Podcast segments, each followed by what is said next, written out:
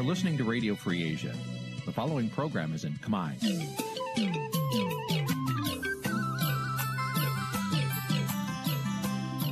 Nǐ chi càm bi tiệp xáy vệt chiu a zì sê ray នេះជាកម្មវិធីផ្សាយរបស់ Vithu Azisari ជាភាសាខ្មែរ វត្តឈូអាស៊ីសេរីសូមស្វាគមន៍លោកអ្នកនាងទាំងអស់ពីរដ្ឋធានី Washington នៃសហរដ្ឋអាមេរិក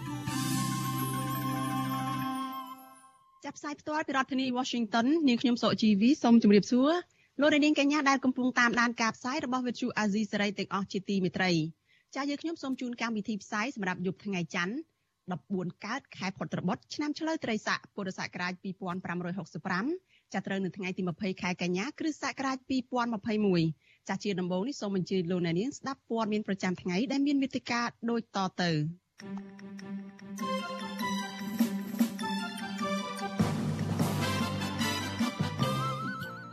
អ្នកជំងឺ Covid-19 ចំនួន14អ្នកទៀតបានស្លាប់ធ្វើឲ្យចំនួនអ្នកស្លាប់សរុបកើនឡើងដល់ជាង2100នាក់អាជ្ញាធរក្រុងប៉ោយប៉ែតជំលះពលរដ្ឋរងគ្រោះទឹកចំនួនជាច្រើនគ្រួសារទៅទីទួលមានសុវត្ថិភាពបណ្ឌិតសេងសេរីមិនទាន់មានទំនុកចិត្តវិលចូលកម្ពុជាវិញអាជ្ញាធរខេត្តរតនគិរីចាប់ខ្លួនសកម្មជនការពារព្រៃឈើម្នាក់រួមនឹងព័ត៌មានផ្សេងៗមួយចំនួនទៀត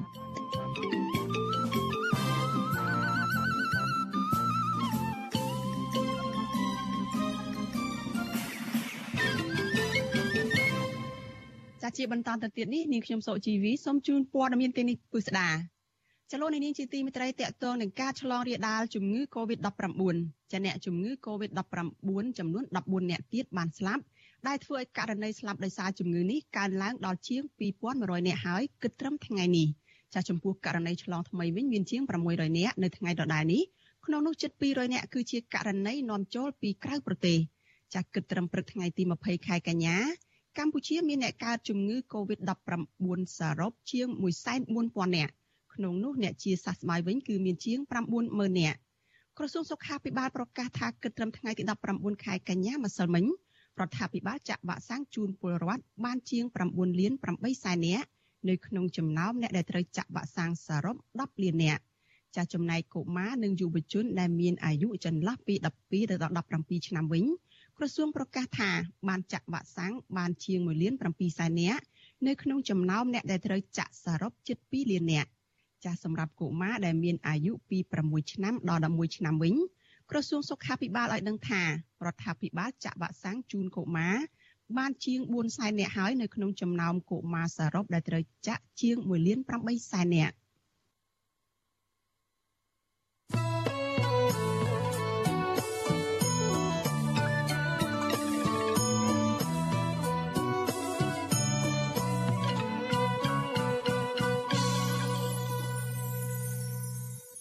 ចាលោកនាងជាទីមេត្រីរឿងរ៉ាវតាក់ទងនឹងបណ្ដឹងប្រឆាំងអ្នកវិភាគសង្គមឯនេះវិញ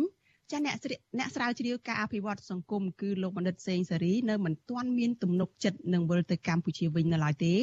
បើទោះបីជាមានរងនាំរបបក្រុងភ្នំពេញលោកហ៊ុនសែនប្រកាសឲ្យតុលាការបញ្ឈប់ដីកាតាមចាប់ខ្លួនលោកក្តីចាការលើកឡើងបែបនេះដោយសារតែលោកមិនទាន់ឃើញតុលាការ ប្រកាសថាទម្លាក់ចោលដីកាចាប់ខ្លួននិងចោតប្រកាន់លើរូបលោកនៅឡើយនោះចាសសូមស្ដាប់សេចក្តីរាយការណ៍របស់លោកមានរិទ្ធអំពីរឿងនេះបណ្ឌិតសេងសេរីដែលបច្ចុប្បន្នកំពុងរស់នៅនឹងកិច្ចខ្លួនក្នុងប្រទេសថៃសាទរដោយប្រយ័ត្នប្រយែងចំពោះការផ្លាស់ប្តូរជំហររបស់លោកនាយករដ្ឋមន្ត្រីហ៊ុនសែនទៅលើការវិភាគបែបសេណារីយ៉ូរបស់លោកបណ្ឌិតសេងសេរីថ្លែងប្រាប់វិសុវអសីស្រីនៅរសៀលថ្ងៃទី20ខែកញ្ញាថា លោកត្រេកអរនិងអរគុណដល់លោកហ៊ុនសែនដែលបានយោគយល់ចំពោះទស្សនវិភាគរបស់លោកកន្លងមកលោកចាត់ទុកថានេះគឺជាសញ្ញាណល្អមួយដែលប្រមុខរដ្ឋាភិបាលចាប់ផ្ដើមស្ដាប់មតិយោបល់របស់អ្នកវិភាគឬបញ្ញវន្តដើម្បីរួមចំណែកដោះស្រាយបញ្ហាសង្គមនិងនយោបាយនៅកម្ពុជាទោះជាយ៉ាងណាក៏ដោយអ្នកវិភាគនយោបាយរូបនេះយល់ថាលោកនៅមិនទាន់មានសវត្ថភាពទាំងស្រុងនៅឡើយទេព្រោះលោកមិនទាន់ឃើញស្ថាប័នតុលាការ បញ្ឈប់នៃការចាប់ខ្លួន និងទម្លាក់ចោលបទចោទប្រកាន់តាមការស្នើសុំរបស់លោកហ៊ុនសែននៅឡើយទេ ដោយខ្ញុំបានលើកអញ្ចឹងថាបើសិនជាខ្ញុំអត់ទាន់ឃើញតុលាការប្រកាសទម្លាក់ករណីខ្ញុំទេខ្ញុំខ្ញុំក៏វាពិបាកចិត្តពិបាកនៅក្នុងការសម្រេចចិត្តថាតើខ្ញុំគួរត្រឡប់ទៅកម្ពុជាវិញដែរឬទេណាបាទព្រោះវាតកតងទៅនឹងសុខភាពរបស់ខ្ញុំដែរក៏ប៉ុន្តែទោះបីយ៉ាងណាក៏ដោយខ្ញុំសង្ឃឹមថាខ្ញុំនឹងទទួលបានការទម្លាក់ចោលបទចោលរបស់ខ្ញុំក្នុងពេលឆាប់ៗហើយបាទមេដឹកនាំរបបក្រុងភ្នំពេញលោកហ៊ុនសាននៅព្រឹកថ្ងៃទី20ខែកញ្ញាបានប្រកាសនៅលើទំព័រ Facebook របស់លោកផ្លាស់ប្តូរចិត្តរបស់លោកវិញដោយស្នើដល់ស្ថាប័នតុលាការឲ្យពិនិត្យពិចារណាបញ្ឈប់ដោយការចាប់ខ្លួនបណ្ឌិតសេងសេរីលោកហ៊ុនសែនបញ្ជាក់ថាការបកស្រាយពន្យល់របស់បណ្ឌិតសេងសេរីនៅលើបណ្ដាញសារព័ត៌មានកន្លងមកគឺសមហេតុផលនិងអាចទទួលយកបាន ថាគឺជាការវិភាគបែបសេណារីយ៉ូមិនមែនជាការគ្រប់គ្រងគំនិតភ្លួចផ្ដើមបង្កើតរដ្ឋាភិបាលបង្រួបបង្រួមជាតិដែលប្រកាសដោយលោកសំរងស៊ីនោះទេ ទន្ទឹមគ្នានេះលោកហ៊ុនសានក៏លើកទឹកចិត្តឲ្យបណ្ឌិតសេងសេរី បន្តកិច្ចការស្រាវជ្រាវនិងវិភាគបញ្ហាសង្គមបន្តទៀតដើម្បីជាប្រយោជន៍ដល់ការសិក្សាស្រាវជ្រាវផ្នែកវិទ្យាសាស្ត្រសង្គមមេដឹកនាំរបបឯកបៈរុងនេះក៏បានអំពាវនាវដល់ភរិយា កូននិងឪពុកម្ដាយរបស់បណ្ឌិតសេងសេរីកុំឲ្យមានការព្រួយបារម្ភជុំវិញបញ្ហានេះតទៅទៀតការស្នើឲ្យតុលាការបញ្ឈប់ការចាប់ខ្លួនអ្នកវិភាគនយោបាយរុងនេះធ្វើឡើងរយៈពេល4ថ្ងៃក្រោយពីលោកហ៊ុនសាន បានប្រតិកម្មខ្លាំងៗនិងប្រកាសតាមចាប់ខ្លួនបណ្ឌិតសេងសេរីពាក់ព័ន្ធទៅនឹងការបង្ហោះទស្សនវិភាគនៅលើបណ្ដាញសង្គម Facebook អំពីលក្ខខណ្ឌ6ចំណុចដែលអាចបង្កើតរដ្ឋាភិបាលបង្រួបបង្រួមជាតិតាមការអំពាវនាវរបស់លោកសំរាស៊ីបើតាមបណ្ឌិតសេងសេរីលក្ខខណ្ឌទាំង6ចំណុចនោះរួមមានកម្លាំងអ្នកគាំទ្រគណៈបពប្រឆាំងកម្លាំងមហាជនកម្លាំងយុវជនកម្លាំងផ្ទៃក្នុងគណៈបកកណ្ដាលអំណាចកម្លាំងប្រដាប់អាវុធនិងកម្លាំងអន្តរជាតិ ដែលលោកថាអាចធ្វើឲ្យនយោបាយនៅកម្ពុជាប្រែប្រួលបានលោកហ៊ុនសានថែមទាំងប្រមានបណ្ឌិតសេងសេរីថាអាចប្រឈមទៅនឹងការបាញ់សម្លាប់ចោលទៀតផងបើសិនបើលោកគ្រប់គ្រងនៅអ្វីមួយដែលលោកហ៊ុនសានហៅថាជាចលនាឧទាមហើយបានជំរុញឲ្យបណ្ឌិតសេងសេរីលុបចោលទស្សនវិភាគនោះចេញពីទំព័រ Facebook របស់លោកបើមិនចង់ប្រឈមទៅនឹងការចាប់ខ្លួនក៏ប៉ុន្តែបណ្ឌិតសេងសេរីនៅតែរក្សាជំហររបស់លោកដដែល ជុំវិញការបន្ទន់អេរយាប័តរបស់លោកហ៊ុនសាននេះវិសុវអាស៊ីស្រីមិនទាន់អាចតាក់ទងសុំការឆ្លើយតបពីអ្នកនាំពាក្យក្រសួងយុតិធធលោកចិនម៉ាលីននិងអ្នកនាំពាក្យអាយកាអមសាលាដំបូងរាជធានីភ្នំពេញលោកប្លង់សុផលបាននៅឡើយទេដោយទូរស័ព្ទហៅចូលតែពុំមានអ្នកទទួលបណ្ឌិតសេងសេរីចាត់ទុកថាជាសំណាងល្អដែលក្នុងថ្ងៃលោកហ៊ុនសែនប្រកាសតាមចាប់ខ្លួននោះលោកកំពុងស្ថិតនៅក្នុងប្រទេសថៃបើពុំនោះទេលោកប្រកាសជាមិនអាចរួចខ្លួន ហើយគ្មានឱកាសបកស្រាយឲ្យលោកនាយរដ្ឋមន្ត្រីហ៊ុនសែនឈប់ភ័ន្តច្រឡំទៅលើការវិភាគរបស់លោកនោះទេ ហើយខ្ញុំសង្ឃឹមថាទៅមុខទៀតហ្នឹងប្រមុខរដ្ឋាភិបាលនឹងមានការពិចារណាល្អិតល្អន់ទៅលើសំណេរតាមបណ្ដាញសង្គមហើយជាពិសេសហ្នឹងគឺអ្នកដែលមាននិន្នាការផ្ទុយក្តីអ្នកដែលសរសេរសំណេរដោយមិនមានការយល់ដឹងគ្រប់គ្រងជ្រោយក្តីហ្នឹងខ្ញុំគិតថាសូមឲ្យរដ្ឋាភិបាលហ្នឹងផ្ដល់ការយោគយល់ឲ្យបានខ្ពស់ចំពោះទស្សនៈដែលមានមានជាលក្ខណៈផ្ទុយឬក៏ទស្សនៈនយោបាយដែលពលរដ្ឋចង់បានខ្ញុំគិតថានៅពេលដែលចង់ឲ្យការយោគយល់នេះមិនមែនធ្វើតែសម្រាប់ខ្ញុំទេគឺចង់ឲ្យការយោគយល់នេះគឺសម្រាប់សកម្មជននយោបាយធ្វើសម្រាប់អង្គការសង្គមស៊ីវិលក៏ដូចជាអ្នកវិភាគផ្សេងទៀតណាបាទមន្ត្រីសង្គមស៊ីវិលស្វាគមន៍ចំពោះការបញ្ឈប់នៃការចាប់ខ្លួនបណ្ឌិតសេងសេរីនិងទទូចឲ្យរដ្ឋាភិបាលបើកចិត្តឲ្យទូលាយទទួលយកមតិយោបល់ចម្រុះរបស់ប្រជាពលរដ្ឋទូទៅទាំងអ្នកវិភាគនិងបញ្ញវន្តជាដើមនាយិកាមជ្ឈមណ្ឌលសិទ្ធិមនុស្សកម្ពុជាអ្នកស្រីចော့សុភាព ថ្លែងថាប្រជាពលរដ្ឋគ្រប់រូបមានសិទ្ធិសេរីភាពបញ្ចេញមតិដោយគ្មានការភ័យខ្លាចឬប្រឈមនឹងការដាក់ទោសទណ្ឌតាមផ្លូវតុលាការនោះទេហើយថារដ្ឋាភិបាល មានកាតព្វកិច្ចលើកស្ទួយនិងធានាបរិយាកាសអំណោយផលព្រមទាំងស្ដាប់នៅមតិយោបល់ពីគ្រប់ភាគីដើម្បីធ្វើឲ្យប្រសើរឡើងនៅអភិបាលកិច្ចរបស់ខ្លួនអ្នកស្រីបន្តថាករណីគម្រាមកំហែងនិងតាមចាប់ខ្លួនបណ្ឌិតសេងសេរីនេះមិនគួរកើតមានឡើងតាំងពីដំបូងមកម្ល៉េះ អ្នកស្រីយល់ថាដើម្បីឲ្យបណ្ឌិតសេងសេរី និងពលរដ្ឋទូទៅ មានទំនុកចិត្តឬមានភាពកក់ក្ដៅនោះរដ្ឋាភិបាលត្រូវស្ដារស្ថានភាពសិទ្ធិមនុស្សនិងប្រជាធិបតេយ្យឲ្យបានល្អប្រសើរឡើងវិញ និងធានាឲ្យបាន នៅប្រព័ន្ធតុលាការមួយដែលឯករាជ្យ សំខាន់បំផុតគឺការធានានៅបរិយាកាសអំណោយផលជាលក្ខណៈប្រព័ន្ធមិនមែនតែចោះចោះនឹងជាប្រព័ន្ធគឺត្រូវធានាថាពលរដ្ឋមានសិទ្ធិសេរីភាពពេញលេញក្នុងការបញ្ចេញមតិហើយมันគួរមានការចោទប្រកាន់ឬក៏ចាប់ខ្លួនដោយគ្រាន់តែពលរដ្ឋបញ្ចេញមតិនោះទេចាអញ្ចឹងខ្ញុំគិតថាទាមទារនៅការស្ដារនៅស្ថានភាពមួយដែលពលរដ្ឋមើលឃើញថាសកម្មជនក្តីឬក៏ពលរដ្ឋក្តីនឹងមិនត្រូវបានគេចាប់ខ្លួនឬក៏ចោទប្រកាន់ដោយសារតែការចូលរួមនៅក្នុងសង្គមនោះទេហើយជាពិសេសដោយសារតែខ្លួនបញ្ចេញនូវមតិយោបល់ចំពោះការផ្លាស់ប្តូរចិត្តរបស់លោកហ៊ុនសែននេះដែរប្រជាពលរដ្ឋមួយចំនួនបង្ហាញសារគាំទ្រនិងមួយចំនួនទៀតនៅមិនទាន់ជឿជាក់នៅឡើយទេដែលពួកគេយល់ថាលោកហ៊ុនសែនកំពុងប្រើគុណធម៌ខ្លាំងខ្លាយមូលហេតុដែលពលរដ្ឋមួយចំនួននៅមិនទាន់ជឿជាក់បែបនេះព្រោះកន្លងទៅលោកហ៊ុនសែន តែងលេបពាក្យសម្ដីរបស់ខ្លួនទៅវិញដោយករណីលោកមិនគោរពតាមការសន្យានៅក្នុងការបញ្ឈប់ការចាប់ចងឬការធ្វើទុកបុកម្នេញលើសកម្មជនគណៈបកសង្គ្រោះជាតិជាដើមខ្ញុំបានមេរិត Visual C ស្រីរាយការណ៍ពីរដ្ឋធានី Washington ចាលោកនាងជាទីមេត្រីលោកអ្នកកំពុងតាមដានការផ្សាយរបស់វិទ្យុអាស៊ីសេរីផ្សាយចេញពីរដ្ឋធានី Washington សហរដ្ឋអាមេរិក ចាតកតងនឹងលោកនាយរដ្ឋមន្ត្រីហ៊ុនសែនដែលបានផ្លាស់ប្តូរចិត្តឈប់តាមចាប់ខ្លួនលោកបណ្ឌិតសេងសេរីនេះគឺជាករណីដ៏កម្រមួយនៅក្រៅពេលថ្មីថ្មីនេះបន្ទាប់ពីលោកបានខឹងសម្បានិងបញ្ជាឲ្យតាមចាប់ខ្លួននិងអាចបាញ់សម្លាប់ចោលថែមទៀតផងក៏ដោយសារតែលោកបណ្ឌិតសេងសេរីបានវិភាគសេណារីយ៉ូចំនួន6ចំណុចនៃការបង្កើតរដ្ឋាភិបាលបង្រួបបង្រួមជាតិដោយផ្ដើមអំពីវនីវដោយលោកសំរងស៊ីចាលោកហ៊ុនសែន បែរជាបញ្ជាឲ្យតុលាការដកដីកាចាប់ខ្លួនលោកលោកសេងសេរីនោះទៅវិញចតាមានអ្វីនៅពីក្រោយខ្នងនៃការផ្លាស់ប្ដូរចិត្តរបស់លោកហ៊ុនសែននេះចានៅពេលបន្តិចទៀតនេះចាយើងនឹងមានសម្ភារផ្ទាល់មួយជាមួយលោកបណ្ឌិតសេងសេរីអំពីរឿងនេះចាឥឡូវនេះយើងបានភ្ជាប់ទៅលោកបណ្ឌិតសេងសេរីចាអញ្ចឹងសូមជម្រាបសួរលោកបណ្ឌិតសេងសេរីចាបាទជម្រាបសួរបាទចា លោកមនិតសេងសេរីតើលោកយល់ឃើញយ៉ាងណាចំពោះការផ្លាស់ប្ដូរចិត្តរបស់លោកនាយរដ្ឋមន្ត្រីហ៊ុនសែននៅពេលនេះចាសូមលោកលើកឡើងនៅចំណុចខ្លីៗចាពីព្រោះបទសម្ភាសពេញរវាងលោកជាមួយនឹងលោកទីនសការីយ៉ានឹងចាប់ផ្ដើមនៅម៉ោង8:30នាទីនៅក្នុងការផ្សាយរបស់យើងនៅពេលបន្តិចទៀតនេះចាសូមអញ្ជើញលោកចាបាទជាដំបូងហ្នឹងខ្ញុំនិងគ្រួសារមានអារម្មណ៍ថាមានសុវត្ថិភាពឡើងវិញហើយក្រោយពីសម្ដេច ហ៊ុនសែនបានសរសេរនៅលើទំព័រ Facebook កាលពីព្រឹកមិញយើងមានអារម្មណ៍ថាយើងធូរធូរចិត្តបន្តិចហើយណាទី1ទី2ឆ្លៀតឱកាសហ្នឹងក៏ខ្ញុំអរគុណចំពោះសម្ដេចហ៊ុនសែនដែលបានបើកចិត្តដូចទូលាយនៅនៅការស្ដាប់នៅការបកស្រាយដែលអាចឈានទៅដល់ការអំពាវនាវឲ្យមានការទម្លាក់បទចោទលើរូបខ្ញុំបាទចាប៉ុន្តែទោះជាយ៉ាងណាលោកនៅមិនទាន់មានទំនុកចិត្តនឹងវិលទៅកម្ពុជាវិញទេចា ខ្ញុំគិតថាខ្ញុំរងចាំលិខិតដែលចេញពីតុលាការនៅក្នុងការធ្វើមុខភាពឬក៏ឬក៏ទម្លាក់បទចោលពីខ្ញុំបានខ្ញុំមានទំនុកចិត្ត100%បាទចាអរគុណច្រើនលោកមនិតសេងសេរីចាយើងនឹងជួបជាមួយលោកមនិតសេងសេរីដែលមានលោកទីនសការីយ៉ាជាអ្នកសម្របសម្រួលនៅក្នុងការផ្សាយរបស់យើងនៅពេលបន្តិចទៀតនេះចាជម្រាបលាលោកត្រឹមប៉ុណ្ណេះសិនចាជម្រាបលាបាទ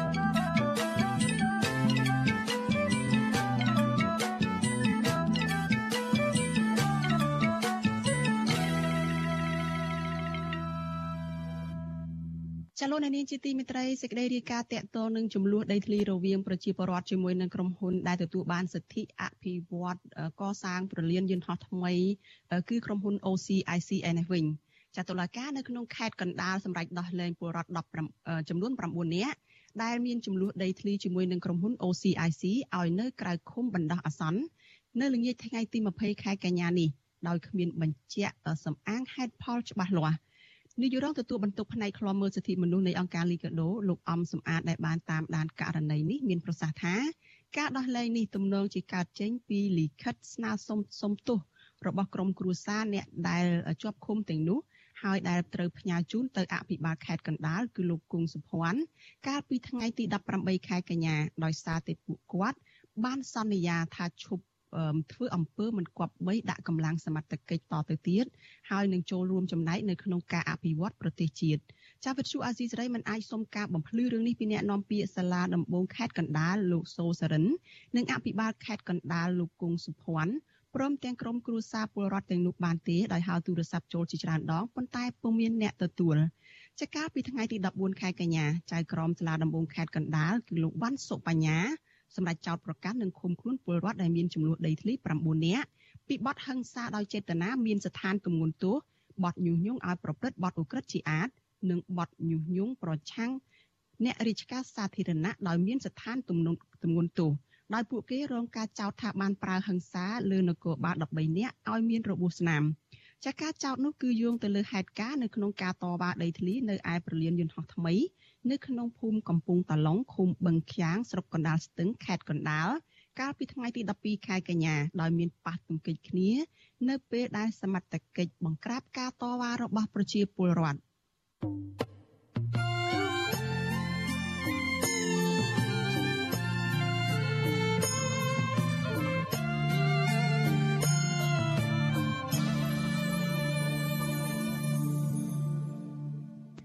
ចលនានាងជាទីមេត្រីអាញាធរនៅក្នុងខេត្តនៅក្នុងក្រុងប៉ោយប៉ែតខេត្តបន្ទាយមានជ័យបានជំលះប្រជាពលរដ្ឋជាច្រើនគ្រួសារទៅទីទួលមានសវត្ថភាពហើយនៅព្រឹកថ្ងៃទី20ខែកញ្ញាក្រោយពេលចំនួនទឹកភ្លៀងបានជន់លិចព្រំដែននៅក្នុងក្រុងនេះស្ថានភាពបែបនេះធ្វើឲ្យប្រជាពលរដ្ឋមួយចំនួនព្រួយបារម្ភពីសវត្ថភាពនិងអំពាវនាវដល់អាជ្ញាធរឲ្យផ្ដល់ស្បៀងអាហារជូនពួកគេជាបន្ទាន់ចាលោកជីវតាមានសេចក្តីរាយការណ៍អំពីរឿងនេះ។ ជំនន់ទឹកភ្លៀងនិងទឹកហូរធ្លាក់ពីប្រទេសថៃបណ្ដាលឲ្យទឹកអូរព្រំដែនកម្ពុជានិងថៃនៅក្រុងប៉ោយប៉ែតបានហក់ឡើងលេចផ្លូវថ្នល់និងផ្ទះសម្បែងរបស់ប្រជាពលរដ្ឋរាប់ពាន់ខ្នងចៅសង្កាត់ផ្សារកណ្ដាលក្រុងប៉ោយប៉ែតលោកស្រិលអិនប្រាប់អាស៊ីសេរីថាពេលនេះទឹកចំនួនលេចចូលគ្រប់សង្កាត់ក្នុងក្រុងប៉ោយប៉ែតហើយគិតត្រឹមព្រឹកថ្ងៃទី20កញ្ញាលោកបន្តថា ក្នុងនោះសង្កាត់ប៉ោយប៉ែតនិងសង្កាត់ផ្សារកណ្ដាលធ្ងន់ធ្ងរជាងគេ ដោយទឹកលិចរោងចក្រមួយកន្លែងលិចផ្លូវជាតិលេខ5ប្រវែងជាង1គីឡូម៉ែត្រលិចសាលារៀនវត្តអារាម ចំណតឡានក្រុងប៉ោយប៉ែតទីបញ្ជាការប៉ូលីសការពារព្រំដែនមួយកន្លែង និងលេខផ្ទះប្រជាពលរដ្ឋរាប់ពាន់ខ្នងទៀតលោកបញ្ជាក់ថាគិតត្រឹមរសៀលថ្ងៃទី20កញ្ញាលោកបានជំលះប្រជាពលរដ្ឋចំនួន18គ្រួសារទៅដាក់នៅទីទួលមានសុវត្ថិភាព។ ឥឡូវនេះវាលិចគ្រប់កន្លែងទាំងអស់មិនដឹងទៅជួយតាណាទុកតាណាព្រោះភ្លៀងអត់ទាន់រៀងសោះនេះទឹកភ្លៀងពីលើនឹងទឹកតម្រង់មកពីប្រទេសថៃព្រោះទឹកវាពេញអូពេញបន្លាយអស់ហើយដល់មេឃ2ថ្ងៃនេះមកតាំងពីម៉ោង4ភ្លឺដល់ម៉ោងនេះអត់ទាន់រៀងផងនេះខ្ញុំកំពុងដើរមើលអាផ្លូវទឹកវាធ្ងន់ធ្ងរពងអាកាយរស់អាកន្លែងផ្លូវកាយរំដោះទឹកម៉ៃក្រូអាបាល់ក្រុង2គ្រឿង3គ្រឿងនេះដល់កាយអាកន្លែងធំធំដល់អូរោងចក្រហាត់ឌីកំពុងចូលស្មើជង្គង់ក្នុងរោងចក្រអញ្ចឹងមកដល់ម៉ោងនេះមិនដឹងតែជួយយ៉ាងម៉េចទុកយ៉ាងម៉េចលោកបន្តទៀតថាទឹកជំនន់បានហូរចូលក្រុងប៉ោយប៉ែតតាំងពីថ្ងៃទី19កញ្ញាហើយរហូតមកដល់ពេលនេះនៅតែបន្តហក់ឡើងមិនទាន់បានធូរស្រាលនៅឡើយទេគេហទំព័រ Facebook របស់យោធាភូមិភាគទី5ចុះផ្សាយនៅថ្ងៃទី20កញ្ញាថាទាហានប្រតិបត្តិការសឹករងក្រុងប៉ោយប៉ែតបានជំលះប្រជាពលរដ្ឋចំនួន20គ្រួសារ ដែលរស់នៅជាប់អូរព្រំដែនក្នុងសង្កាត់ប៉ោយប៉ែតទៅទីមានសវត្ថភាពហើយ។ប្រជាពលរដ្ឋរស់នៅសង្កាត់ប៉ោយប៉ែតលោកអ៊ិតស៊ឹមប្រាប់អាស៊ីសេរីថាទឹកចំនួនបានហូរចូលផ្ទះរបស់លោកតាំងពីថ្ងៃទី19កញ្ញារហូតមក នៅមិនទាន់ស្រកនៅឡើយទេពលរដ្ឋរូបនេះព្រួយបារម្ភខ្លាចគ្មានស្បៀងអាហារអំឡុងពេលនេះព្រោះចាប់តាំងពីទឹកលេខផ្ទះមក គ្រួសាររបស់លោកមិនអាចដើររើសអេចាយនិងប្រកបមុខរបរអ្វីបានឡើយ លោកថារហូតមកដល់ពេលនេះអាជ្ញាធរមិនទាន់ផ្ដល់ស្បៀងអាហារនិងមកសួរសុខទុក្ខពួកលោកនៅឡើយទេគួយមើលមុខគ្នានឹងដូចថាឥឡូវនឹងតណាតណាកើតមកទៅងាកទឹកទៅនេះទឹកនឹងដើរតណាកើតមានតែអង្គុយមុខអាដេញចិនដើរលើនៅផ្ទះនឹងមើលមុខគ្នាទៅវិញទៅមកខ្ញុំសូមសំណូមពរឲ្យ អស់លោកបងប្រុសបងស្រីដែលមានសមត្ថកិច្ចទាំងអស់ជួយចុះមើលប្រជាជនដែលពងរងគ្រោះទាំងផងជុំវិញរឿងនេះប្រធានសមាគមពង្រឹងសេដ្ឋកិច្ចក្រៅប្រព័ន្ធកម្ពុជាលោកដិនពុធីមានប្រសាសន៍ថាទឹកជំនន់លើកនេះមានសន្ទុះខ្លាំងជាងពេលមុនមុន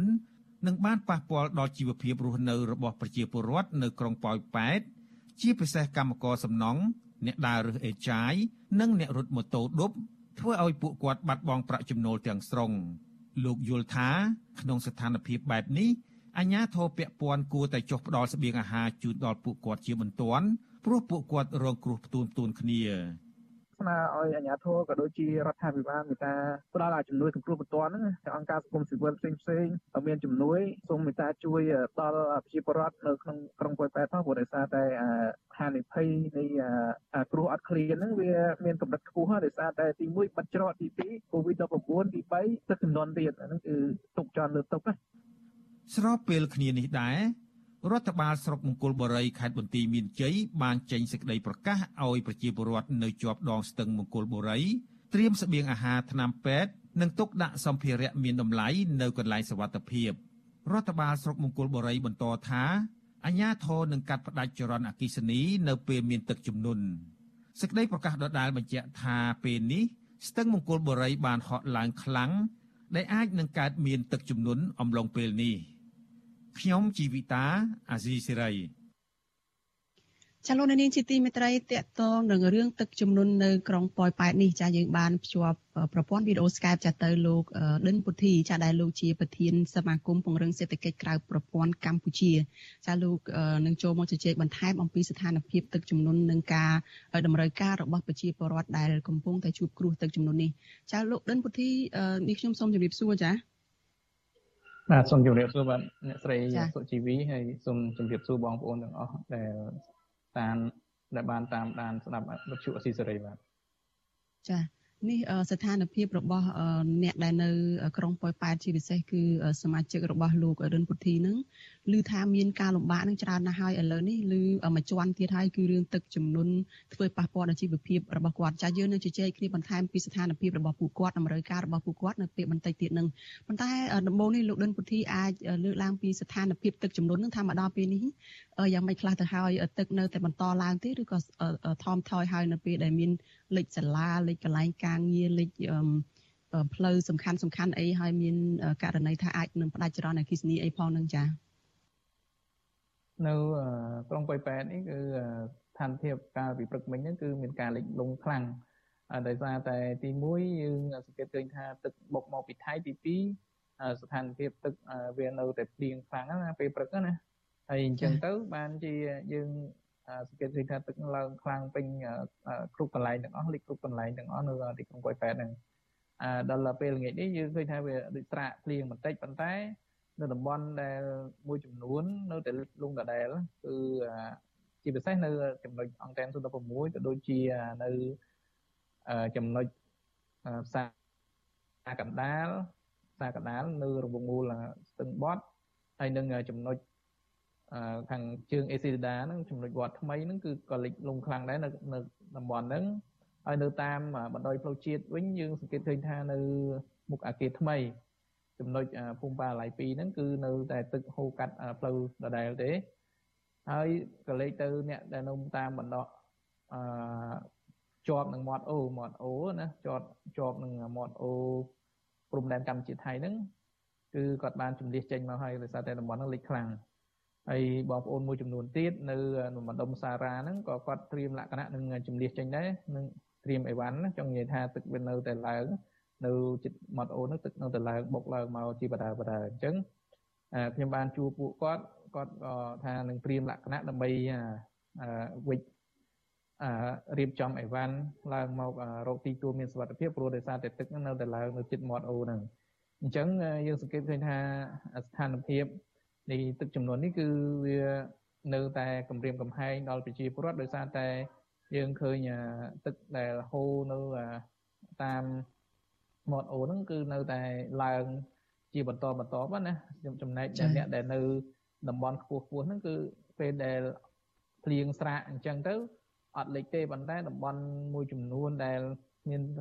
ទីទៀបខ្ញុំនិយាយថានៅក្រុងប៉ោយប៉ែត កន្លែងទៀតតំបន់ទៀតទៀតនោះទោះបីជាមិនមិនភ្លៀងជាប់ពី3ថ្ងៃដូចពេលឥឡូវនេះតែភ្លៀងតែមួយមេក៏លេចដែរដូចជាចំណុចអង្គតែន016ក្នុងតំបន់ទំនៀមដែរហើយចំណុច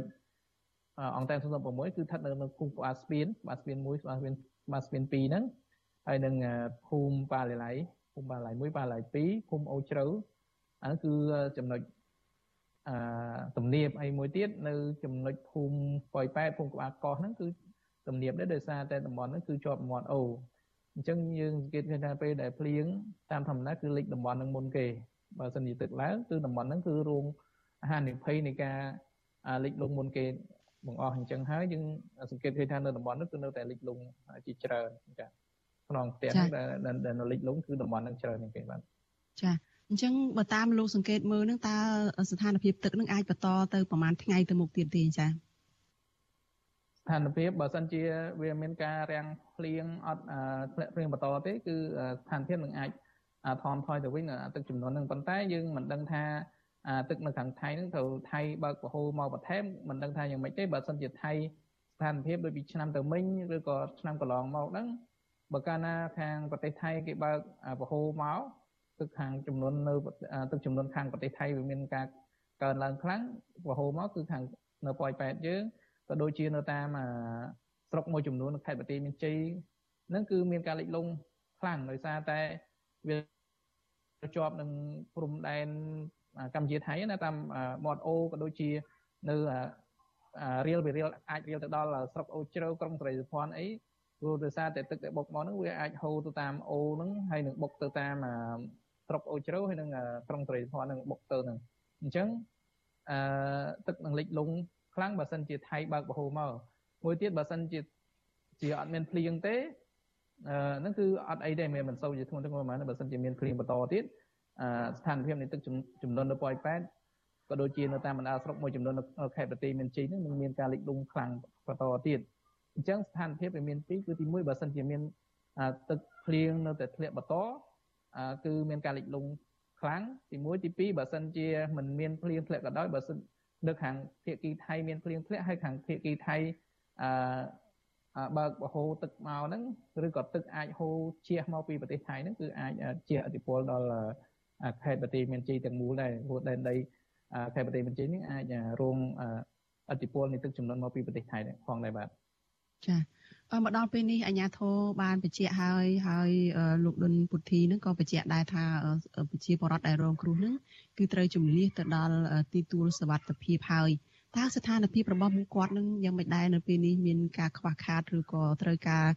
ជំនួយអីយ៉ាងមិនខ្លះដើម្បីដោះស្រាយជីវភាពភ្លាមភ្លាមនេះចា៎ស្ថានភាពជាក់ស្ដែងប្រជាពលរដ្ឋដែលជំនះចេញពីលំនៅឋានទី1ក៏ត្រូវតែដល់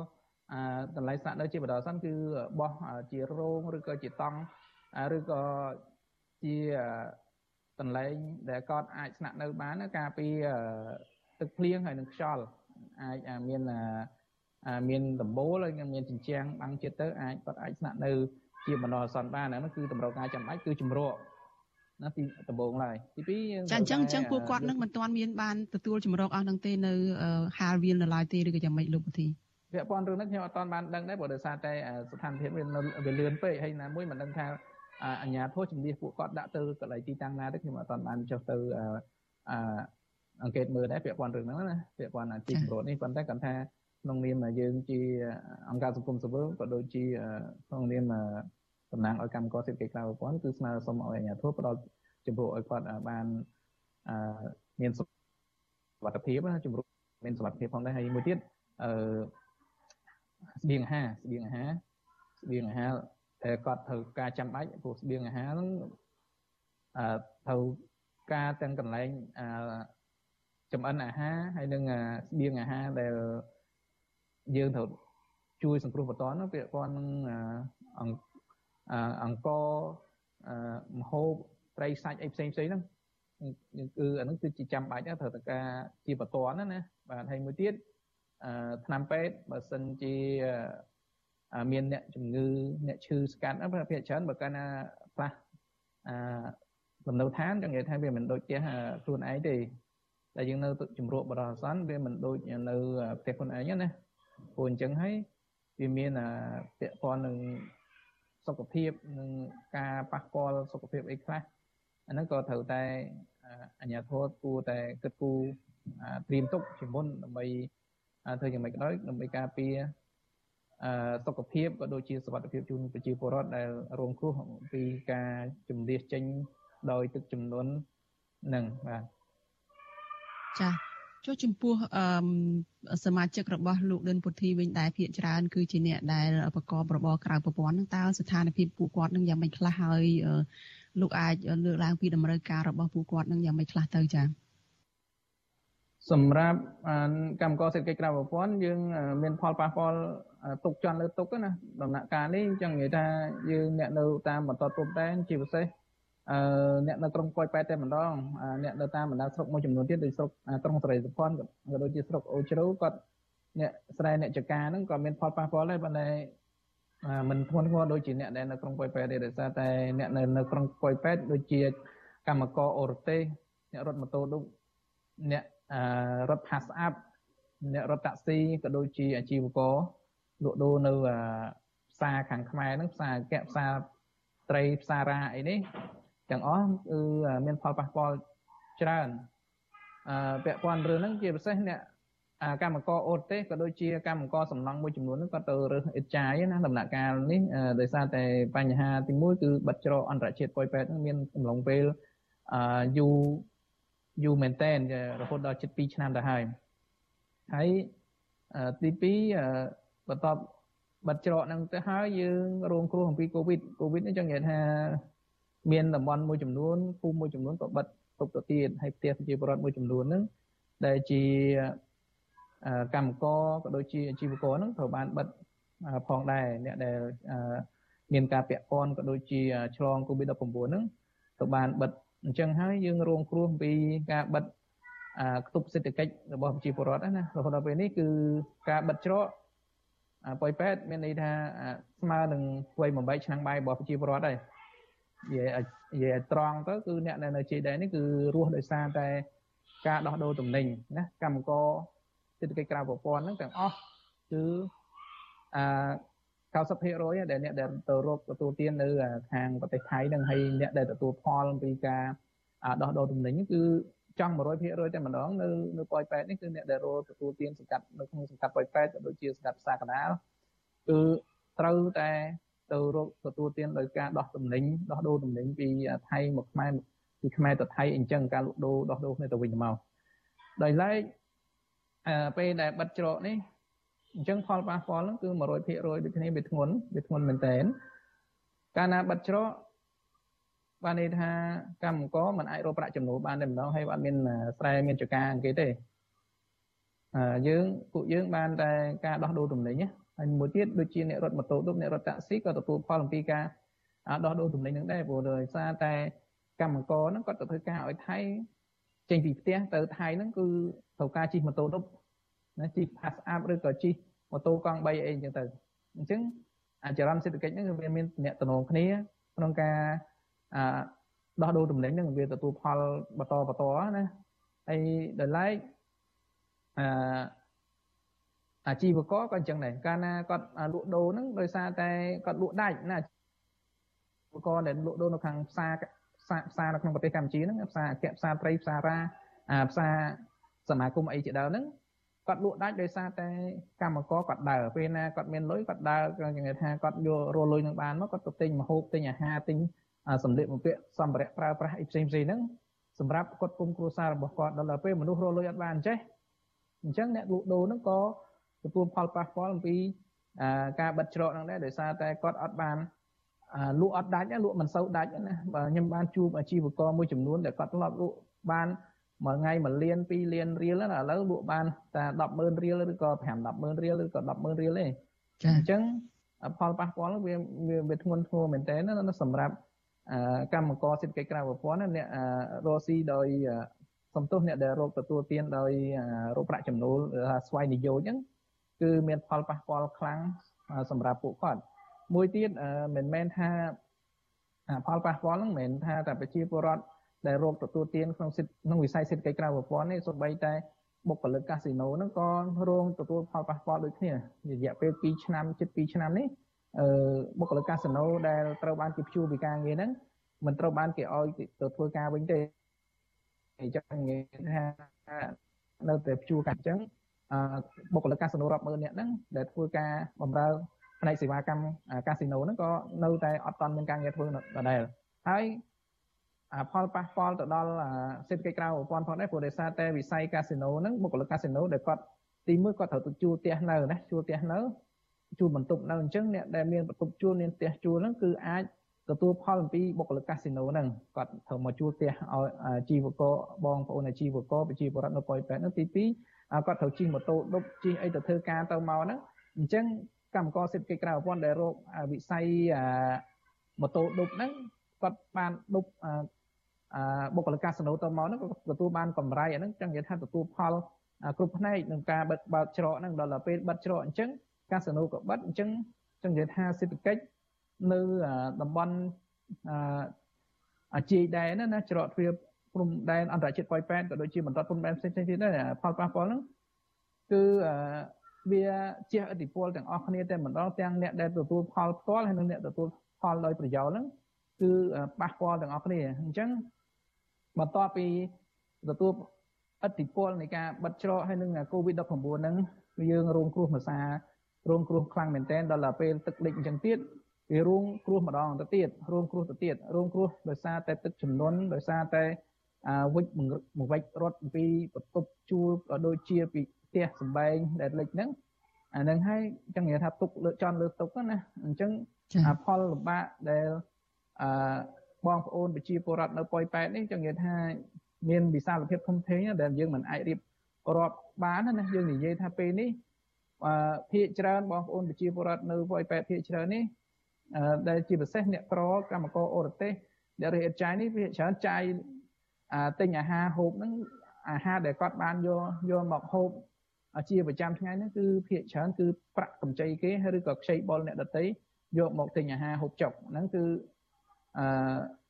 ពួកគាត់ពឹងទៅលើការខ្ចីបុលហើយនឹងបំណុលកើនឡើងព្រោះដោយសារតែប្រាក់ចំនួននោះធ្លាក់ចុះវាស្ទើរតែ100%ទៅហើយទោះបីតែអាជីវករ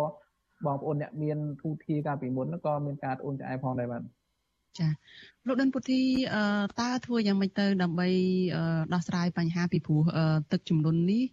កើតមានជាញឹកញាប់ស្ទើរតែជារៀងរាល់ឆ្នាំហើយហើយលោកពុទ្ធីថាឆ្នាំនេះហ្នឹងគឺមានស្ថានភាពខ្លាំងជាងឆ្នាំមុនទៅទៀតបើប្រៀបធៀបគ្នា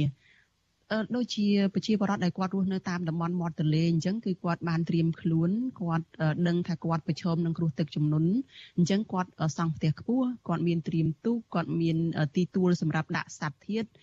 មានកន្លែងសម្រាប់ដែលគាត់អាចទៅរក្សាទុកទ្រព្យសម្បត្តិរបស់ពួកគាត់អញ្ចឹងចុះចំណែកខាងប្រជាពលរដ្ឋនៅក្រុងប៉ោយប៉ែតនឹងតើអាចត្រៀមខ្លួនយ៉ាងម៉េចផ្លាស់ប្ដូររបៀបរស់នៅយ៉ាងម៉េចឬក៏មានមធ្យោបាយយ៉ាងម៉េចដើម្បីឆ្លើយតបទៅនឹងគ្រោះទឹកជំនន់នឹងចា៎ បាទសម្រាប់ប្រជាពលរដ្ឋនៅប៉ោយប៉ែតយើងសង្កេតឃើញថាអត់មានបងប្អូនណាដែលគាត់ប្រើប្រាស់ទូកឬក៏ប្រើប្រាស់កប៉ាល់អីឬក៏ទូកសម្រាប់រំដោះនៅពេលដែលមានទឹកចំនួននេះដោយសារតែពួកគាត់ដូចជាមិនចាំបាច់ប្រើដូច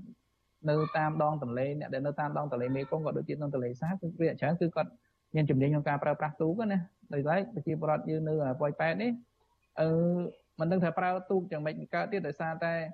អាទី1ទូកហ្នឹងបើយើងប្រើយើងប្រើនៅអូព្រំដែនហ្នឹងតាមក្រសួងគេហាមខត់ទៀតហ្នឹងគឺអត់មានត្រូវការប្រើទូកប្រើប្រាស់ទូកនឹងបានទេហើយដល់ពេលទឹកឡើងមកយើងបើប្រើប្រើក្នុងរយៈពេលមួយដែលមិនដឹងថាប្រើនឹងដើម្បីផលប្រយោជន៍អីបើសិនតែយើងប្រើសម្រាប់ថារំដោះគ្រោះទឹកចំនួនប៉ុណ្ណឹងហើយយើងគ្រួសារនីមួយនីមួយបើយកអាទូកនឹងយកមកអឺ ត្រូវទិញទូកយកមកត្រៀមវាអស់តម្លៃច្រើនហើយមិនដឹងថាយកទូកនោះទៅធ្វើមុខរបរនេសាទអីផ្សេងផ្សេងបានដូចជាបងប្អូននៅតាមដងទន្លេក៏ដូចជានៅតាមអាដងព្រែកផ្សេងផ្សេងហ្នឹងគឺគេអាចទៅប្រកបអាជីវកម្មក៏ដូចជានេសាទហ្នឹងនេសាទនៅតាមនៅតាមទន្លេតាមដងព្រែកដងស្ទឹងនឹងបានដោយសារតែនៅកន្លែងនោះគឺមានការអនុញ្ញាតឲ្យនេសាទបានហើយយើងដោយឡែកយើងនៅតាមមាត់អូនៅតាមជីដែននេះគឺយើងមិនអាចចុះទៅ នេសាទអីប្រទេសផ្ដាស់បានដោយសារតែវាជាព្រំប្រទល់ហើយទូកហ្នឹងมันអាចយកទៅនេះចឹងនិយាយថាយើងអត់អាចមានទទួលផលបានពីការប្រើប្រាស់ទូកចាចុះតើដោះស្រាយរឿងនេះយ៉ាងម៉េចចាសូមខ្លីៗអឺការដោះស្រាយនេះចង់និយាយថាបើសិនជាមានទឹកចំនួននេះមានតែពឹងពាក់លើអាជ្ញាធរដែនដីទេពឹងពាក់លើអាជ្ញាធរដែនដីដែលជាដែលលោកមានសមត្ថកិច្ចនឹងជួយដោះស្រាយបញ្ហាវិបត្តិមួយគ្រាហ្នឹងក៏ ត្រូវប្រើប្រាស់ទូកឬក៏ត្រូវធ្វើយ៉ាងម៉េចបោះតង់ឬធ្វើជារោងតង់សម្រាប់ជូនជាពលរដ្ឋឬក៏ជួយសង្គ្រោះនឹងយកទូកខ្ចីទូកពីណាឬក៏អាញាធមមានទូកហ្នឹងដើម្បីរំដោះគាត់ចេញពីទឹកហ្នឹងគឺយើងត្រូវតែប្រើហ្នឹងហើយប៉ុន្តែបើសិនជាឲ្យគាត់ទៅទិញទូកយកមកសម្រាប់ប្រើដើម្បីដើម្បីដោះគ្រោះអាទឹកចំនួនហ្នឹងគឺវាអត់អាចទៅរួចទេវាព្រោះការដោយសារតែការចំណាយវាច្រើនអាហ្នឹងអឺ ទី1ទី2ទៀតយើងឃើញថាអាគ្រោះអាអ្វីដែលរងគ្រោះដោយសារទឹកចំនួននេះគឺសំណូមពរឲ្យអាជ្ញាធរជួយដោះស្រាយពាក់ព័ន្ធនឹងស្បៀងអាហារអានឹងគឺជាចាំបាច់បំផុតស្បៀងអាហារឆ្នាំពេទ្យហ្នឹងជំនួយសង្គ្រោះបន្ទាន់មានតែរដ្ឋទេដែលអាចដោះស្រាយបានបញ្ហានេះពាក់ព័ន្ធនឹងជីវករក៏ដូចជាកម្មករនៅប៉ុយប៉ែតបងប្អូនទាំងអស់ណាក៏ដូចណាដែរបងប្អូនយើងនៅប៉ុយប៉ែតគឺសំណូមពរឲ្យ រដ្ឋាភិបាលក៏ដូចជាអភិបាលខេត្តមេត្តាជួយដោះស្រាយបើកច្រកអន្តរជាតិប៉ោយប៉ែតក៏ដូចជាអន្តរជាតិផ្សេងផ្សេងទៀតនៅតាមបន្តព្រំដែនព្រំដែនហ្នឹងដើម្បីដោះស្រាយជីវភាពរបស់គាត់ឲ្យបានមានជីវភាពសមរម្យក៏ដូចជាការរស់នៅមានអាហារហូបចុកគ្រប់គ្រាន់ពាក់ព័ន្ធនឹងសុខភាពស្បៀងអាហារហ្នឹងដល់តែបើកច្រកបានពួកគាត់អាចរកប្រាក់ចំណូលបានជាប្រចាំហើយមួយទៀត បើសិនជាមិនបើកច្រកទេគាត់នៅតែពិបាកដែរពិបាកបញ្ហាស្បៀងអាហារហ្នឹងគឺធ្ងន់ធ្ងរមែនទែនព្រោះស្បៀងអាហារហ្នឹងរកបានពីការដោះដូរទំនិញដូចខ្ញុំបានបញ្ជាក់ខាងដើមអញ្ចឹងព្រោះពួកគាត់អត់មានស្រែមានចង្ការអីទេណាហើយដោះស្រាយបញ្ហាហ្នឹងមួយទៅអាបញ្ហាស្បៀងអាហារសង្គ្រោះបន្ទាន់ទឹកលិចទឹកអីហ្នឹងអានោះជាការបន្តបន្សំដោះស្រាយមួយរយៈពេលបានណាប៉ុន្តែអាបញ្ហាដោះស្រាយអាស្បៀងអាហាររយៈពេលវែងនោះដល់តែអឺបើកច្រកអន្តរជាតិទៅពួកគាត់អាច មានអាហារហូបចុកគ្រប់គ្រាន់ក៏ដូចជាដោះស្រាយស្បៀងអាហាររយៈពេលវែងបានបាទចាអរគុណច្រើនលោកដិនពុទ្ធីចាដែលបានផ្ដល់ការសម្ភាសន៍នៅយុគនេះចាជំរាបលាលោកត្រឹមប៉ុណ្ណេះចាបាទសូមជម្រាបលាបាទអរគុណចាលោកនាងជាទីមេត្រីសេចក្តីរាយការណ៍តាក់ទងនឹងការទីមទាឲ្យដោះលែងសកម្មជនសង្គមវិញម្ដងចាក្រុមអង្គការសង្គមស៊ីវិលនិងបណ្ដាញពលរដ្ឋនាំគ្នាបន្តធ្វើយុទ្ធនាការចូលដល់សប្តាហ៍ទី7ហើយ ទីមទាឲ្យដោះលែងសកម្មជនបរិស្ថានដែលកំពុងជាប់ឃុំចំនួន6នាក់ចាចំណែកសាច់ញាតិក៏ទទូចឲ្យសមត្ថកិច្ចដោះលែងយុវជនទាំងអស់នោះឲ្យមានសេរីភាពមកវិញចាសូមស្ដាប់សេចក្តីរាយការណ៍របស់លោកជាតិចំណានអំពីរឿងនេះនៅសប្តាហ៍ទី7នេះក្រមសង្គមស៊ីវិលបានបន្តលើកឡើងពីការឃុំខ្លួនយុវជនចលនាមេដាធម្មជាតិចំនួន6នាក់ដែលកំពុងប្រឈមមុខនឹងបទចោទដ៏ច្រើនហើយធ្ងន់ធ្ងរទៀតគឺបទញុះញង់បទរួមគំនិតក្បត់និងបទប្រមាថព្រះមហាក្សត្រ ក្រមសង្គមស៊ីវិលអះអាងថាយុវជនបដិឋានទាំង6នាក់មានក្តីស្រមៃសម្រាប់ជីវិតរបស់ពួកគេគឺធ្វើការងារការពារបរិស្ថាន និងធនធានធម្មជាតិដើម្បីសុខុមាលភាពរបស់ពលរដ្ឋនិងថែរក្សាសម្បត្តិធម្មជាតិឲ្យបានគង់វង្សដល់ក្មេងចំនួនក្រោយប៉ុន្តែពួកគេសោកស្ដាយ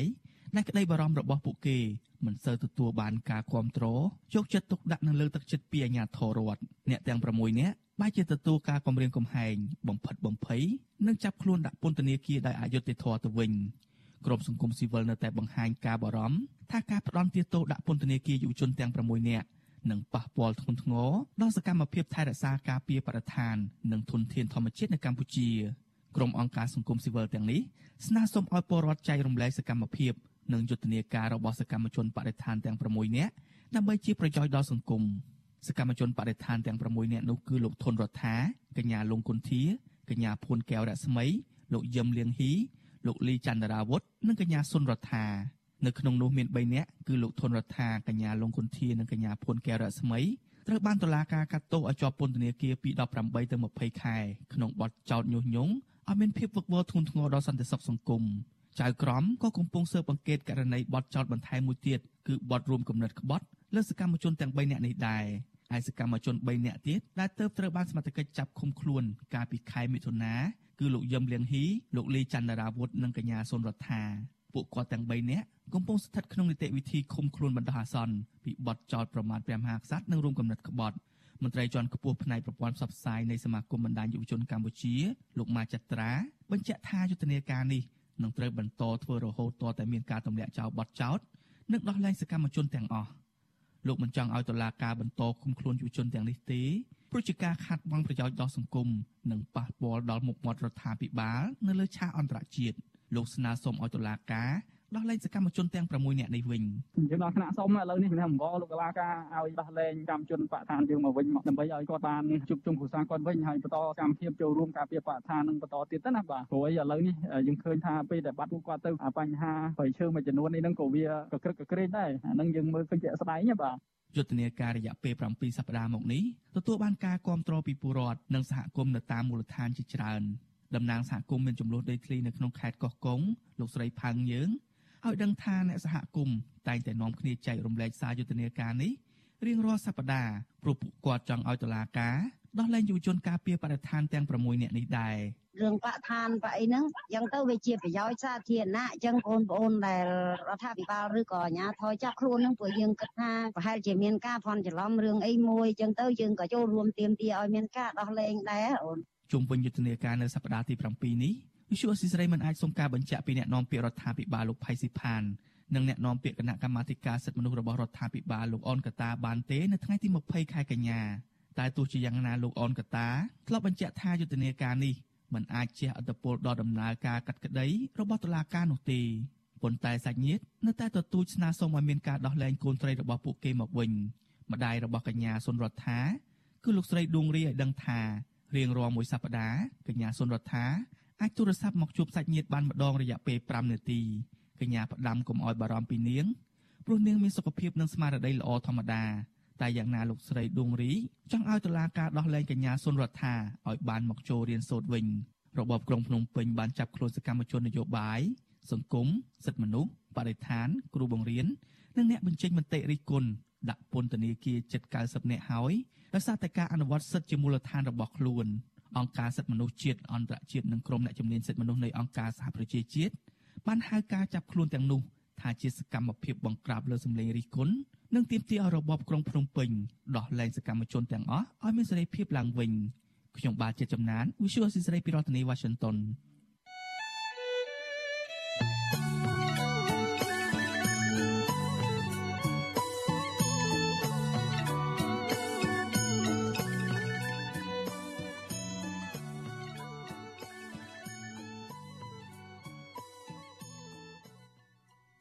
ចាលោកនាងជាទីមេត្រីលោកនាងអាចស្ដាប់ការផ្សាយរបស់វិទ្យុអាស៊ីសេរីដំណើរគ្នានឹងការផ្សាយតាមបណ្ដាញសង្គម Facebook និង YouTube នេះចាតាមរយៈវិទ្យុរលកធាតុអាកាសខ្លី SW ចាតាមកម្រិតនិងកម្ពស់ដូចតទៅនេះពេលព្រឹកចាប់ពីម៉ោង5កន្លះដល់ម៉ោង6កន្លះតាមរយៈរលកធាតុអាកាសខ្លី13715 kHz ស្មើនឹងកម្ពស់ 22m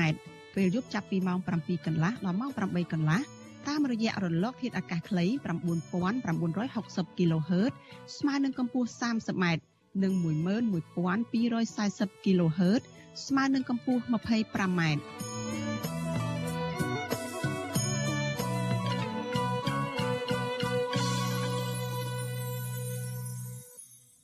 ចាលោកនាងជាទីមិត្តរីយើងងាកទៅព័ត៌មានតកតងនឹងចំនួនដីធ្លីនៅឯខេត្តកំពង់ឆ្នាំងឯនោះវិញចាស់ប្រជាពលរដ្ឋជិត600គ្រួសាររស់នៅក្នុងស្រុកបរិបូរស្នើសុំអាជ្ញាធរខេត្តកំពង់ឆ្នាំង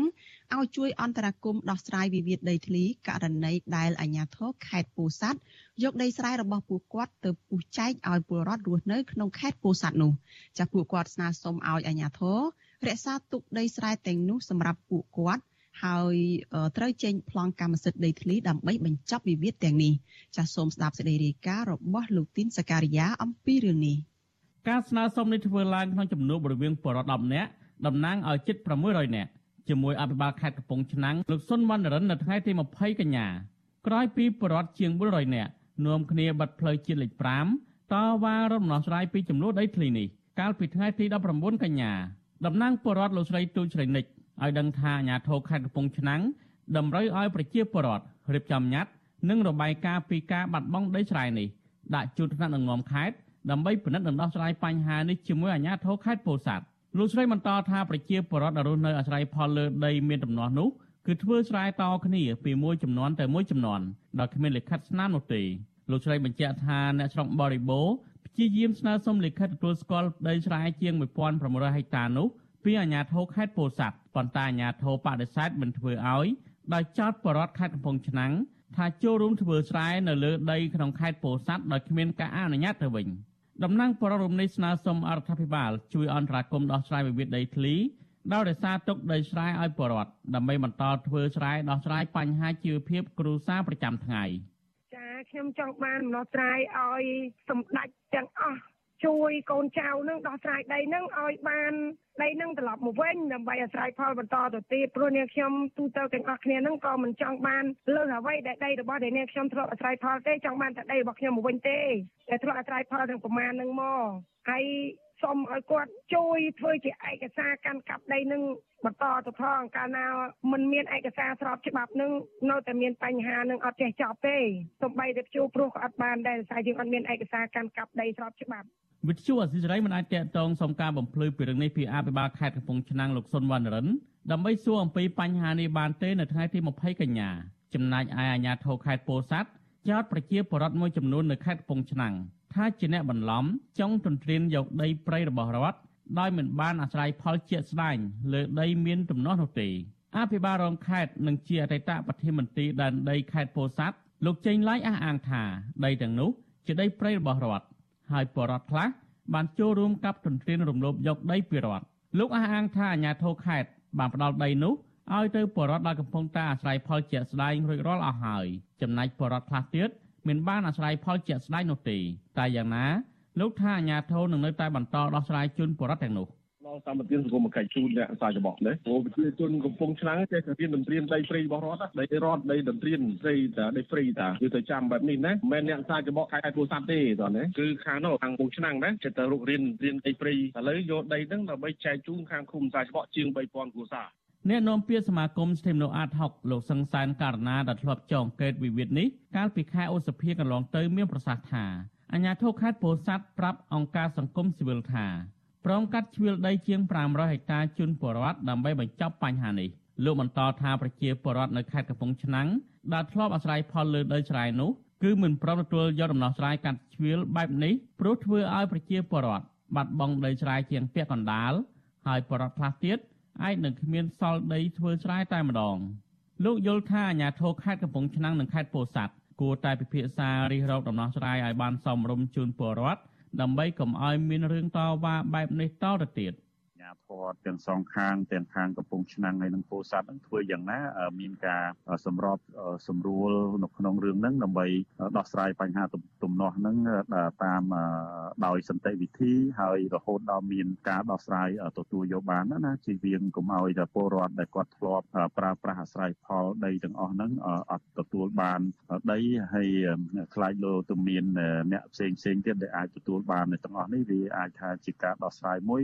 ពួកគាត់មិនអាចទទួលយកបាននេះជាដើមអញ្ចឹងគួរតែមានការពិនិត្យឲ្យបានត្រឹមត្រូវក្នុងការរកដំណោះស្រាយជូនពួកគាត់ដែលកំពុងតែធ្វើការទៀមទាហ្នឹងបាទដីមានចំនួនដែលមានទំហំសរុបជាង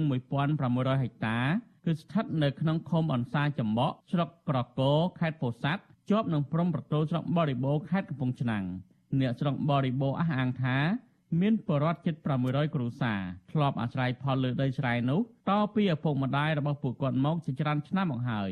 ក្រោយពីអាជ្ញាធរតម្រូវឲ្យពួកគាត់ដូរទីលំនៅទៅខេត្តកំពង់ឆ្នាំងវិញពលរដ្ឋអះអាងថាដើមហេតុនៃវិវាទនេះគឺបណ្ដាលមកពីរដ្ឋាភិបាលបានកាត់ជ្រឿលដីស្រែរបស់ពួកគាត់ទៅឲ្យក្រុមហ៊ុនចិនមួយឈ្មោះស៊ីភីមិចអភិវឌ្ឍក្រោយពីពលរដ្ឋចេញតវ៉ានិងដាក់ញត្តិអស់ជាច្រើនឆ្នាំទើបខាងក្រុមហ៊ុនចិនបានដកចេញទៅវិញ តែក្រោយមកទៀតអាជ្ញាធរខេត្តពោធិ៍សាត់បានកាត់ដីនោះទៅឲ្យពលរដ្ឋរស់នៅស្រុកក្រកោជាអ្នកបង្កបង្កើនផលវិញ ពលរដ្ឋខេត្តកំពង់ឆ្នាំងស្នើដល់អាជ្ញាធរទាំងពីរខេត្តចុះស្រាវជ្រាវប្រវត្តិដីនិងពន្លឿនដោះស្រាយវិវាទនេះឲ្យពួកគាត់ឲ្យបានឆាប់ព្រោះពួកគាត់អាចធ្វើស្រែបង្កបង្កើនផលលើដីនោះបានតែមួយដងគត់ក្នុងមួយឆ្នាំខ្ញុំទីនសាការីយ៉ាសិរីប្រធានីវ៉ាស៊ីនតោនចាលោកនាងជាទីមេត្រីលោកអ្នកកំពុងតាមដានការផ្សាយរបស់វិទ្យុអាស៊ីសេរីផ្សាយចេញពីរដ្ឋធានី Washington សហរដ្ឋអាមេរិកចាសសេចក្តីរាយការណ៍ពីខេត្តរតនគិរីឯណោះវិញឲ្យដឹងថា ជនជាដើមភៀតតិចទំពូនម្នាក់ដែលសកម្មនៅក្នុងការការពារព្រៃឈើគឺលោកឆនផល្លាត្រូវបានអាជ្ញាធរនៅក្នុងខេត្តនេះចាប់ខ្លួននៅព្រឹកថ្ងៃទី20ខែកញ្ញានេះដោយគ្មានដីកាពីតុលាការឡើយមន្ត្រីសង្គមស៊ីវិលហៅការចាប់ខ្លួននេះថាជាទង្វើខុសច្បាប់និងគំរាមកំហែងបំបាក់ស្មារតីប្រជាពលរដ្ឋដែលលះបង់ការពារផលប្រយោជន៍ទីជាតិចាស់លោកប៊ិនរិទ្ធមានសេចក្តីរាយការណ៍មួយទៀតអំពីរឿងនេះភរិយាលោកឆនផល្លា ជាជនជាតិដើមភាគតិចទំពួនគឺលោកស្រីហាំស្លុងប្រាវិសុយស៊ីស្រីថាប្រជាការពីភូមិពីរនាក់បានមកដល់ផ្ទះលោកស្រីហើយបានអញ្ជើញប្តីលោកស្រីទៅប៉ុស្តិ៍នគរបាលឃុំសេដាដើម្បីសាកសួររឿងចោះឈ្មោះបោះឆ្នោតក៏ប៉ុន្តែនគរបាលជាច្រើនអ្នកបានឆ្មក់ចាប់ខ្លួនលោកឆនផល្លារុញចូលឡានយ៉ាងបញ្ញាបញ្ញាល់នៅវេលាម៉ោង10ព្រឹកនៅថ្ងៃទី20ខែកញ្ញាលើពីនេះទៀតនៅក្នុងពេលចាប់ខ្លួននោះនគរបាលទាំងនោះមិនបានបង្ហាញដីកាពីតុលាការនោះឡើយ លោកស្រីមិនទាន់បានដឹងថាតើអាជ្ញាធរចាប់ខ្លួនប្តីលោកស្រីពីបទល្មើសអ្វីនោះទេព្រោះសមត្ថកិច្ចបានព្យាយាមលាក់បាំងរឿងនេះលោកស្រីបញ្ជាក់ថានៅរសៀលថ្ងៃដដែលនេះសមត្ថកិច្ចបានបញ្ជូនប្តីរបស់លោកស្រីទៅតុលាការខេត្តរតនគិរីរួចហើយដែលទុកឲ្យប្តីលោកស្រីអង្គុយនៅខាងមុខការិយាល័យតុលាការជិត4ម៉ោងនៅក្នុងស្ថានភាពដៃជាប់ខ្នោះ លោកស្រីគិតថាការចាប់ខ្លួននេះមានជាប់តាក់ទងទៅនឹងសកម្មភាពការពារព្រៃឈើនិងលាតត្រដាងអំពីបទល្មើសព្រៃឈើដែលធ្វើឲ្យអាជ្ញាធរមូលដ្ឋាននៃខេត្តនេះមិនសប្បាយចិត្ត លក់ឈើលក់អីអត់មានចេះអាចឈើអាចអីគាត់គាត់មនុស្សស្មោះត្រង់គាត់ធ្វើធ្វើមរតកម៉ែឪខ្ញុំអត់ទាន់ដឹងរឿងហ្នឹងអន្តរាគមឲ្យខ្ញុំផងឲ្យគាត់ដោះលែងមកពួកគាត់មនុស្សយុទ្ធធម៌ខ្ញុំគេចាប់អត់ដឹងរឿងអីផងទៅថាចាប់មានតែការអីក៏ខ្ញុំអស់ចិត្តដែរអាមកអត់មានដឹងរឿងអីផងគាត់តាំងពីគាត់ចូលនៅភូមិហ្នឹងគាត់គិនតែស្រូវទេបងគាត់គិនតែស្រូវគាត់អត់មានដើរទីពីណាផងហ្នឹង ស្នងការនគរបាលខេត្តរតនគិរីលោកយិនចំណាន បានផ្ដាច់ទូរស័ព្ទនៅពេលដឹងថាអ្នករាយការណ៍ព័ត៌មានវិសុវស៊ីស្រីសួរនាំអំពីករណីនេះចំណែកអភិបាលស្រុកលំផាត់លោកនូថេបដិសេធបំភ្លឺរឿងនេះព្រោះលោកថាករណីនេះជាសមត្ថកិច្ចរបស់តុលាការរីឯអ្នកនាំពាក្យតុលាការខេត្តរតនគិរីលោកកៅពិសុទ្ធវិញលោកបដិសេធអធិប្បាយរឿងនេះដោយបង្វែរឲ្យវិសុវស៊ីស្រីទៅសួរនាំអ្នកនាំពាក្យស្ថាប័នអัยការវិញ ប៉ុន្តែមន្ត្រីនគរបាលយុទ្ធភ័ពដែលនាំខ្លួនលោកឆនផល្លាមកសាលាដំបងខេត្តរតនគិរីបានថ្លែងប្រាប់មន្ត្រីអាត់ហុកថាការចាប់ខ្លួននេះគឺផ្អែកតាមដីការបស់តុលាការដោយចោទប្រកាន់ពីបទរុករាននិងឆ្កាព្រៃជុំវិញរឿងនេះមន្ត្រីសម្របសម្រួលសមាគមការពារសិទ្ធិមនុស្សអាត់ហុកប្រចាំខេត្តរតនគិរីលោកឌីខានីសង្កេតឃើញថាសកម្មភាពការពារព្រៃឈើរបស់លោកឆនផល្លា បានប៉ះទង្គិចជាមួយអាជ្ញាធរមូលដ្ឋានជាច្រើនលើកច្រើនសាររហូតដល់មានការប្តឹងផ្តល់គ្នាទៅតុលាការជាច្រើនករណីលោកថាសមាគមការពារសិទ្ធិមនុស្សអាត់ហុកនឹងបញ្ជូនមេធាវីការពីក្តីឲ្យសកម្មជនបរិស្ថានរូបនេះព្រោះលោកថាការចាប់ខ្លួនដោយមិនបានបង្ហាញនៃការនេះគឺជាទង្វើល្មើសច្បាប់ ការចាប់ខ្លួនបើមិនមែនជាបទល្មើសជាក់ស្ដែងទេគឺត្រូវបង្ហាញនៃការចាប់ខ្លួនដល់ជនដែលត្រូវបានចាប់ខ្លួននិងប្រាប់ពីបទដែលត្រូវបានចោទប្រកាន់នឹងផងដែរយើងដឹងហើយថាកន្លងទៅលោកឆនបលាគាត់ជាអ្នកសកម្មណាស់នៅក្នុងការការពីដីធ្លីរបស់រដ្ឋហើយក៏ដូចជាព្រៃឈើរបស់រដ្ឋនៅក្នុងឃុំសេតាហ្នឹងហើយក៏ធ្វើឲ្យទាំងមេភូមិទាំងមេឃុំមេប៉ុស្តិ៍អីហ្នឹងកន្លងទៅមិនសប្បាយចិត្តជាមួយនឹងលោកឆនបលាទេ មន្ត្រីសមាគមការពារសិទ្ធិមនុស្សអាត6រូបនេះឲ្យដឹងថានៅវេលាម៉ោង6ល្ងាចនៃថ្ងៃដដែលនេះតឡាការបានបញ្ជូនខ្លួនលោកឆនថាឡាទៅឃុំខ្លួននៅក្នុងពន្ធនាគារខេត្តរតនគិរីជាបណ្ដោះអាសន្នដោយមិនបានសាកសួរនៅក្នុងបន្ទប់សវនាការនោះទេសកម្មជនការពារព្រៃឈើលោកឆនផាឡាវ័យជាង40ឆ្នាំរស់នៅភូមិសមុទ្រក្រោមឃុំសេដាស្រុកលំផាត់ខេត្តរតនគិរី កន្លងទៅជនជាតិដើមភាគតិចទំពួនរូបនេះមានភាពក្លាហានប្តឹងបរិហាអាញាធរពពាន់ឈ្មោះឈើនឹងមន្ត្រីជំនាញទៅតុលាការខេត្តរតនគិរីចំនួន7សំណុំរឿងរួចមកហើយនៅក្នុងនោះមាន3សំណុំរឿងត្រូវសាលាដំបងខេត្តនេះតម្កល់ឥតចាត់ការហើយពួកគេបានប្តឹងទាស់ទៅសាលាធរត្បូងឃ្មុំសំណុំរឿងទាំងនោះភាគច្រើនជាបណ្ដឹងបរិហាអាញាធរពពាន់ពីបទអនុគ្រោះបទល្មើសឧក្រិដ្ឋព្រៃឈើនិងមិនទប់ស្កាត់ការកាប់រៀនព្រៃខុសច្បាប់ លើពីនេះទៀតលោកឆនផល្លាបានប្តឹងអភិបាលស្រុកលំផាត់លោកនូថេពីបទគំរាមប្រើហិង្សាទៅលើគ្រួសាររបស់លោកប៉ះសិនបើតឡាការចាត់វិធានការតាមបណ្ដឹងរបស់លោកសកម្មជនបរិស្ថានរូបនេះធ្លាប់ត្រូវអាជ្ញាធរមូលដ្ឋានខេត្តរតនគិរីគៀងកក្រមប្រជាពលរដ្ឋជាច្រើនអ្នកឲ្យព្រួតគ្នាវាយលោកបណ្ដាលឲ្យរងរបួសធ្ងន់ធ្ងរដើម្បីគំរាមបង្ខំឲ្យលោកដកពាក្យបណ្ដឹងពីតុលាការកាលពីឆ្នាំមុន។ លោកឆនផល្លាធ្លាប់ប្រាប់វិសុយស៊ីស្រីថាក្រមពលរដ្ឋដែលព្រួតគ្នាវាយលោកនោះគឺដឹកនាំដោយអភិបាលស្រុកលំផាត់លោកនូថេមេឃុំសេដា លោកអង្គប៊ុនធៀងក្រុមប្រឹក្សាឃុំនិងមេភូមិបន្ថែមពីនេះក្រុមពលរដ្ឋទាំងនោះបានដកហូតទូរស័ព្ទដៃរបស់លោកនិងឡោមព័ទ្ធផ្ទះរបស់លោកជាង3ម៉ោងក្នុងបំណងគំរាមបណ្ដេញលោកចេញពីភូមិទៀតផង។ បើទោះបីជាត្រូវប្រឈមទៅនឹងការគំរាមកំហែងនិងការប្តឹងផ្តល់យ៉ាងណាក្តីក៏សកម្មជនការពារព្រៃឈើរុងនេះនៅតែបន្តសកម្មភាពការពារធនធានធម្មជាតិដែលបន្សល់ចុងក្រោយខណៈដែលអាជ្ញាធរមូលដ្ឋានខេត្តនេះរងការរិះគន់ថាបានជិះសេះលែងដៃមិនសូវខ្វាយខ្វល់អំពីការទប់ស្កាត់បទល្មើសព្រៃឈើឲ្យមានប្រសិទ្ធភាពនៅឡើយទេកាលពីដើមឆ្នាំ